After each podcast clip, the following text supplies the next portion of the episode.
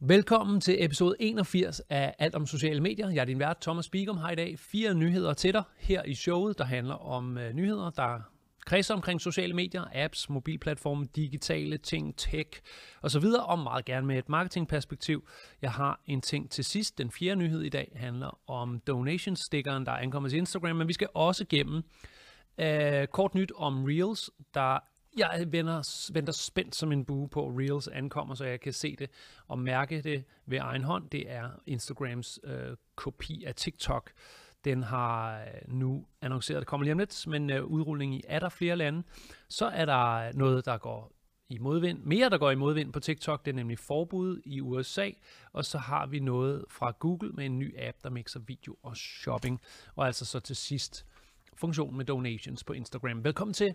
Husk, du kan abonnere her på Facebook, hvis du ser video, og i podcast-appen, hvis du vil nøjes med lyden, kan høre under transport for eksempel. Og jeg vil blive meget taknemmelig for en lille anmeldelse, fordi lige nu der klinger den flot ind på mange podcast-app med nul anbefalinger, og der er bare en kæmpe forskel, om der er en, bare en, som ikke er fake. Så en lytter eller seer, der lige lægger en anmeldelse, vil betyde rigtig meget.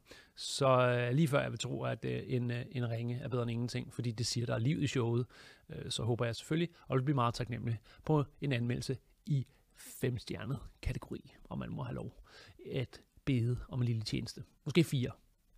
Måske tre. Måske bare en anmeldelse, som jeg så siger. Nevertheless, Første nyhed, pas på TikTok. Pa, nej, sådan her. Pas på TikTok. Reels rykker nemlig hurtigt. TikTok er i problemer. PR-mæssigt, og det udnytter Instagram. Reels, som nærmest er en kopi af TikTok i Instagrams app, den udruller nu i 50 lande. Nu, den udruller i 50 lande til august. Det vil altså sige, at det er annonceret, at vi gør klar og spænder sikkerhedssele til august. Det er bare endnu uvist, hvilke lande, skide irriterende, at Reels lanceres i, men Japan, USA og Storbritannien er offentliggjort som værende på listen. Reels udrullede i Brasilien sidste år, og en ny forbedret version ramte Frankrig og Tyskland her til sommer. Du kan se Øh, billeder og skærmbilleder og læse om historien via linket, som ligger sammen med opslaget her på Facebook eller i show notes på podcast-appen. Og ellers så kan du bare vente i spænding til, at jeg kan annoncere mere og også fortælle mere om, hvad jeg tænker, man kan bruge det til. Nyhed nummer to ud af alle fire. Nyt forbud mod TikTok. Statsansatte i USA må ikke i fremtiden have appen TikTok på deres arbejdsenheder. Et af argumenterne for forbud har været, at man er bekymret for dataindsamling og potentiel spionage fra kinesiske myndigheder. En lille bonushistorie er, at en gruppe amerikanske tech-investorer vil forsøge at opkøbe TikTok fra dets kinesiske ejer. Det siges at være et forsøg på at undgå et totalforbud i USA. Og den sidste skal forstås sådan her, at der er nogle gode, kløgtige mennesker fra Sequoia og et eller andet Capital Fidus, der har tænkt, hvad hvis TikTok blev splittet op, så det var østligt ejet og vestligt ejet, og så var der vandtætte skotter imellem de to ting. Så kunne potentialet i TikTok løftes i Vesten, uden hele tiden at være omspundet af de her skandalehistorier, så frem man så kunne lykkes med at berolige verden med, der ikke, altså der findes en vestlig TikTok og en kinesisk TikTok. Men altså, det er på rygtebasis, hvor meget rygterne har holdt i, der har været møder, kan, kan jeg ikke vide, det kan jeg ikke gennemskue gennem sådan noget her, øh, med links, og, og det ene medie over det andet siger, at der har været møder, og de har været tæt på en aftale. Jeg synes, det lyder lidt utopisk, at man splitter TikTok op, så det er ejet, men det er så altså for at indfri et potentiale. Øh, men det kunne i så fald gøre de kinesiske bagmænd rigtig, rigtig rige, fordi den vestlige, det vestlige marked fra et TikTok-perspektiv er jo antageligt i en købsund sum rigtig meget værd. Men så tænker jeg hurtigt, at man ikke vil handle i kontanter, så vil man handle i aktier.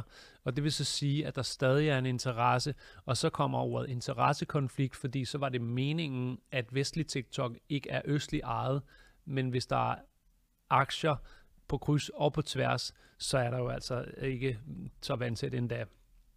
Men en meget sød lille historie, der kommer lige efter, at øh, USA og herunder også Donald Trump har meldt om at vi skal passe på og måske også dem op for TikTok. Og med vi mener jeg i første omgang så Amerika og ikke Danmark. Der har ikke været nogen forlydninger, forlydninger om det, andet end de øh, historier, der var i medierne for nogle uger siden, øh, cirka juni måned, øh, start juni. Vi, øh, nyhed nummer tre her. Ny app øh, fra Google mixer video og shopping. Noget som egentlig sådan, hey, det er 2020, hvorfor har det ikke været noget før? Det er et eksperiment fra Google. Det er en video shopping platform, der kaldes ShopLoop. Brugerne bliver præsenteret for produkter i videoer på under 90 sekunder. Ideen er inspireret af, hvordan mange forbrugere i dag bruger kombinationen af sociale medier og webshops, når de shopper. Shoploop er endnu ikke tilgængelig i Danmark, men klikker du ind på linket, som kommer fra TechCrunch, så vil du kunne se, at det sådan set bare er overgangen fra, at en webshop har billeder til, at en webshop har øh, videoer, og så ikke bare nøjes med sådan at rotere produktet, men også gøre andre ting og videre ud til, at samtlige produkter bliver præsenteret i stedet for, altså i video i stedet for på billedet. Det er nok en, øh, en fremtid, der indfinder sig om lige om lidt, altså at, at der er mere bevægelighed i shoppingen. Jeg tror dog ikke, at billeder udgår, fordi der er skille produkter, vi stadig kan købe baseret på et billede. Hvis jeg skal købe en bog, så skal jeg se et forside af bogen, og så skal jeg bare ligge i kurv. Jeg behøver ikke, at der er nogen, der bladrer i det eller anmelder bogen nødvendigvis. Det kunne være en anden sektion, og det kunne være Shoploop, at man hørte anmeldelsen af bogen, og det var i shoppen, at man købte bogen baseret på et stillbillede. Men uh, mere uh, produktfremvisning i hvert fald, og Google uh, ser sig selv som værende nogen, der skal først ind på det marked og stå stærkt i hvert fald på det. Fjerde nyhed og sidste her i episode 81. Facebook-funktion testes på Instagram. På Facebook har privatpersoner længe kunne indsamle penge til gode formål. Det har man fx kunne gøre i forbindelse med sin fødselsdag. Nu testes en lignende funktion på Instagram. Den nye funktion er anderledes end donation-stickeren, og det er meningen, at man kan bruge den nye funktion til mere private formål. Funktionen testes lige nu på et mindre antal brugere i USA, England og Irland, og efter at Maja har fuldendt det dokument, så har jeg set, at Dansk Røde Kors har talt om den, så vil sige, at den er ankommet om muligt.